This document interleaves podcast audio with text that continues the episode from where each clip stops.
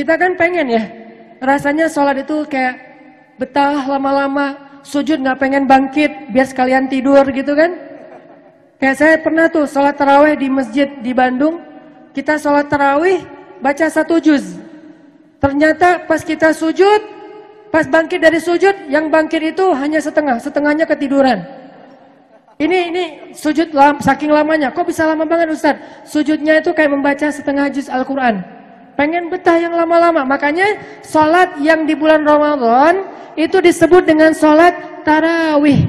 Tarawih dari kata roha. Roha bahasa Indonesianya rehat, istirahat.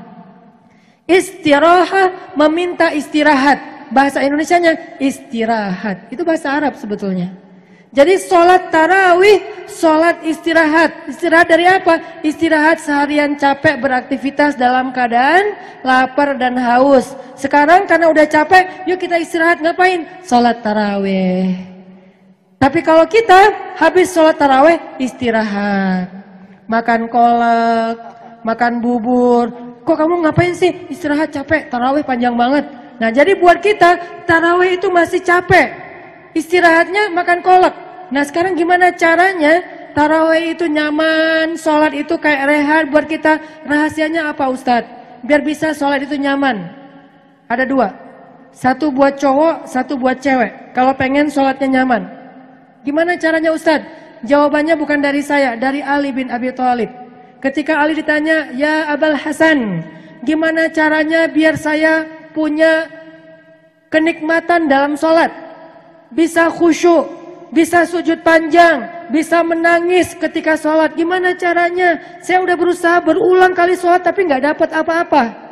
Apa kata Ali bin Abi Thalib?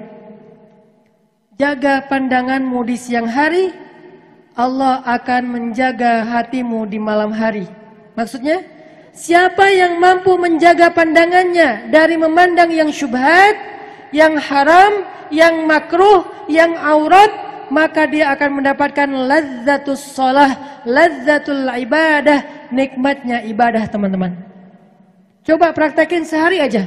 Sehari nggak stalking. Sehari nggak ngeklik yang kayak gituan. Yang kayak gimana Ustadz? Ya gitulah pokoknya. Sehari kalau jalan tuh ngelihat ke bawah. Atau kalau nggak ngelihat ke bawah juga memalingkan pandangan. Jadi ketika ada cewek ngajak dia ngomong, abang apa sih kayak cool banget gitu kan, kayak cowok Korea banget gitu. Uh, kita nih mau bikin event, terus abang jadi ketua panitia, ya terserah. sehari aja, sehari kita tuh nggak kena fitnah, hati kita tuh dijaga dengan pandangan mata. Karena buat cowok yang paling berat itu adalah menjaga mata. Buat cewek yang paling berat itu adalah menjaga lisan. Lisan itu bukan cuma ngomong, komen, broadcast, teks, emoticon tuh. Jadi coba sehari cewek-cewek tahan jangan pakai emoticon yang berderai-derai, guling-guling gitu kan. Big hug, love-love itu nggak usah dipakai. Sehari aja Terus kita nggak usah ngomongin orang lain. Kalau ada teman kita ngomongin orang lain, kita alihkan ke pembicaraan masalah yang kayak yang nyenengin kayak kuliner, masalah fashion, masalah kayak kosmetik. Eh, sekarang tuh lagi keluar eh, keluar yang baru loh, eh, blush on bagus loh misalnya. Atau ngomongin kayak foundation, ngomongin lipstick yang matte, yang glossy gitu-gitu kan ya. Nggak apa-apa ngomongin yang kayak gitu-gituan daripada ngomongin orang lain. Jadi mending kita jalan belanja daripada ngerum ngerumpi. Coba sehari aja. Syaratnya dua. Satu, kalau buat cowok tahan pandangan, kalau buat cewek tahan lisan. Kalau bisa siang hari kita menjaga dua hal ini, maka di malam hari Allah akan berikan kenikmatan lazzatul ibadah, nikmatnya ibadah. Kalau di malam hari kita bisa menjaga ini, maka di siang hari Allah kasih nikmatnya ibadah. Pokoknya siapa yang menjaga pandangan mata dan menjaga lisan, Allah kasih hadiah dengan nikmatnya sholat. Itu rahasia sederhana sebetulnya. Coba praktekin sehari deh. Ustadz saya nggak bisa tahajud. Coba seharian nggak usah ngelihat apa-apa. Keluar rumah pakai kacamata hitam. Tapi bisa dibuka. Keluar ke rumah nundukin pandangan.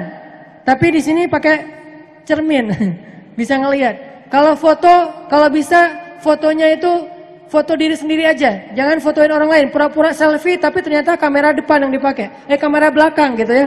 Lagi motoin siapa gitu kan? Gak usah stalking, gak usah buka IG history, bukan story ya, history. History kan suka keluar circle yang pernah kita klik tuh. Sekali kita klik itu nanti disuggest untuk yang kayak gitu-gituan lagi kan? Ustaz tahu banget sih. Ya kata orang. Jangan buka kartu. Jadi intinya teman-teman coba seharian jaga tuh pandangan. Pasti dapat nikmat banget dalam ibadah di malam hari. Buat cewek seharian nggak usah komen, nggak usah broadcast, nggak usah ngeteks, nggak usah japri, nggak usah emoticon, nggak usah ngomongin siapa pun kecuali kebaikan. Maka Allah berikan nikmatnya sholat. Baru nanti sholat kita itu bisa powerful. Terakhir, saya pengen cerita satu kisah orang yang Allah tolong lewat sholat. Orang yang Allah tolong lewat sholat. Jadi ada seorang hamba Allah, orang soleh, lagi berdagang, musafir. Orang dulu kan kalau berdagang itu keluar negeri ya. Dia jalan, musafir di tengah padang pasir, tiba-tiba dia dibegal. Kalau bahasa dulu tuh dirampok. Di tengah padang pasir, dia dibegal. Yang lain semuanya terbunuh, pengawalnya dibunuh, pedagang-pedagang lain dibunuh, tinggal dia sendiri. Yang punya semua karavan dagang, jadi kayak tuannya gitu ya, pemilik ownernya karavan dagang, tinggal dia sendiri, dia mau dibunuh yang terakhir. Sebelum dia dibunuh, dia bilang kepada perampok itu, kasih saya satu kesempatan untuk sholat dua rakaat. Setelah itu, lakukan apa yang kalian suka. Kalian ambil harta kalian, saya silakan. Kalian sakiti saya silakan. Tapi beri saya kesempatan sholat dua rakaat dan nggak lama. Kata mereka, ya kayaknya permintaannya nggak terlalu berat nih. Dan setelah itu dia rela banget kita ambil semua hartanya dan kita kita bunuh orangnya. Ya udah, sholat aja buruan. Dia akhirnya wudhu, dia sholat dua rakaat. Di dalam sholat, ketika sujud, dia berdoa kepada Allah. Ya Allah, yang mendengar suara lembutnya Yunus di dalam perut ikan. Ya Allah, yang menolong Ibrahim di dalam kobaran api. Ya Allah, yang memberikan jalan di tengah lautan kepada Musa. Ya Allah yang telah menyelamatkan Nabi Muhammad SAW dalam perang Badar dan Ahzab. Ya Allah, tolonglah saya dari orang-orang yang zalim. Ketika dia sujud, sujud terakhir, dia doa panjang sampai para perampok ini nggak sabar. Mereka kemudian memarahi dia, ayo cepetan bangkit dari sujud, cepetan bangkit dari sujud, rame. Pokoknya kalau kamu nggak bangkit, kami akan pancung kamu dalam keadaan sujud. Dia tetap sujud, nggak mau bangkit. Tiba-tiba suara perampok itu satu persatu hilang. Satu persatu kayak diam, diam, diam, diam. Kemudian tidak ada suara apa-apa. Hening. Ketika udah hening, dia bangkit dari sujudnya. Dia tahiyat. Selesai tahiyat, dia salam sebelah kanan. Ketika dia menghadap ke sebelah kanan, dia ngelihat perampok-perampok itu sudah ber, ber, terbaring. Ketika dia menghadap ke sebelah kiri, dia melihat perampok juga terbaring. Ternyata semuanya dalam keadaan tidak lagi bernyawa, mati satu persatu. Ini kejadian nyata terjadi di generasi tabiin. Makanya Allah mengatakan wasta'inu bis sabri wassalah. Kalau kalian pengen minta tolong kepada Allah, caranya dua. Satu sabar, jangan ngeluh, jangan komplain, jangan nyalahin Allah apalagi cari kambing hitam. Yang kedua, sallu, salat. Walaupun sholatnya cuma sholat dua rakaat sholat sunnah. Itu Allah tunjukin keajaiban-keajaiban yang besar. Cuman sholatnya tuh harus powerful. Harus kerasa di hati kita. Gimana caranya biar sholat itu kerasa di hati kita? Caranya sholat itu dengan khusyuk. Gimana cara khusyuk Ustaz? Jaga pandangan kita di siang hari. Allah berikan nikmatnya sholat di malam hari. Jaga lisan kita di siang hari. Allah kasih nikmatnya sholat di malam hari. Itu oleh-oleh dari Isra dan Mi'rajnya Rasulullah sallallahu alaihi wasallam.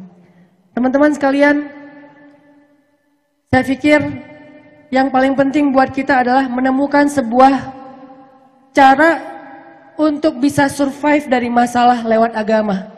Yang penting buat kita menemukan sebuah pelajaran, menemukan sebuah hikmah, gimana cara melalui hidup kita yang kadang-kadang itu naik turun. Kalau lagi naik itu gampang, lagi turunnya itu yang susah.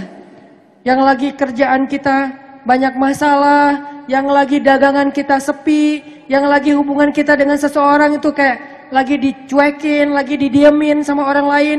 Apa yang harus kita lakukan?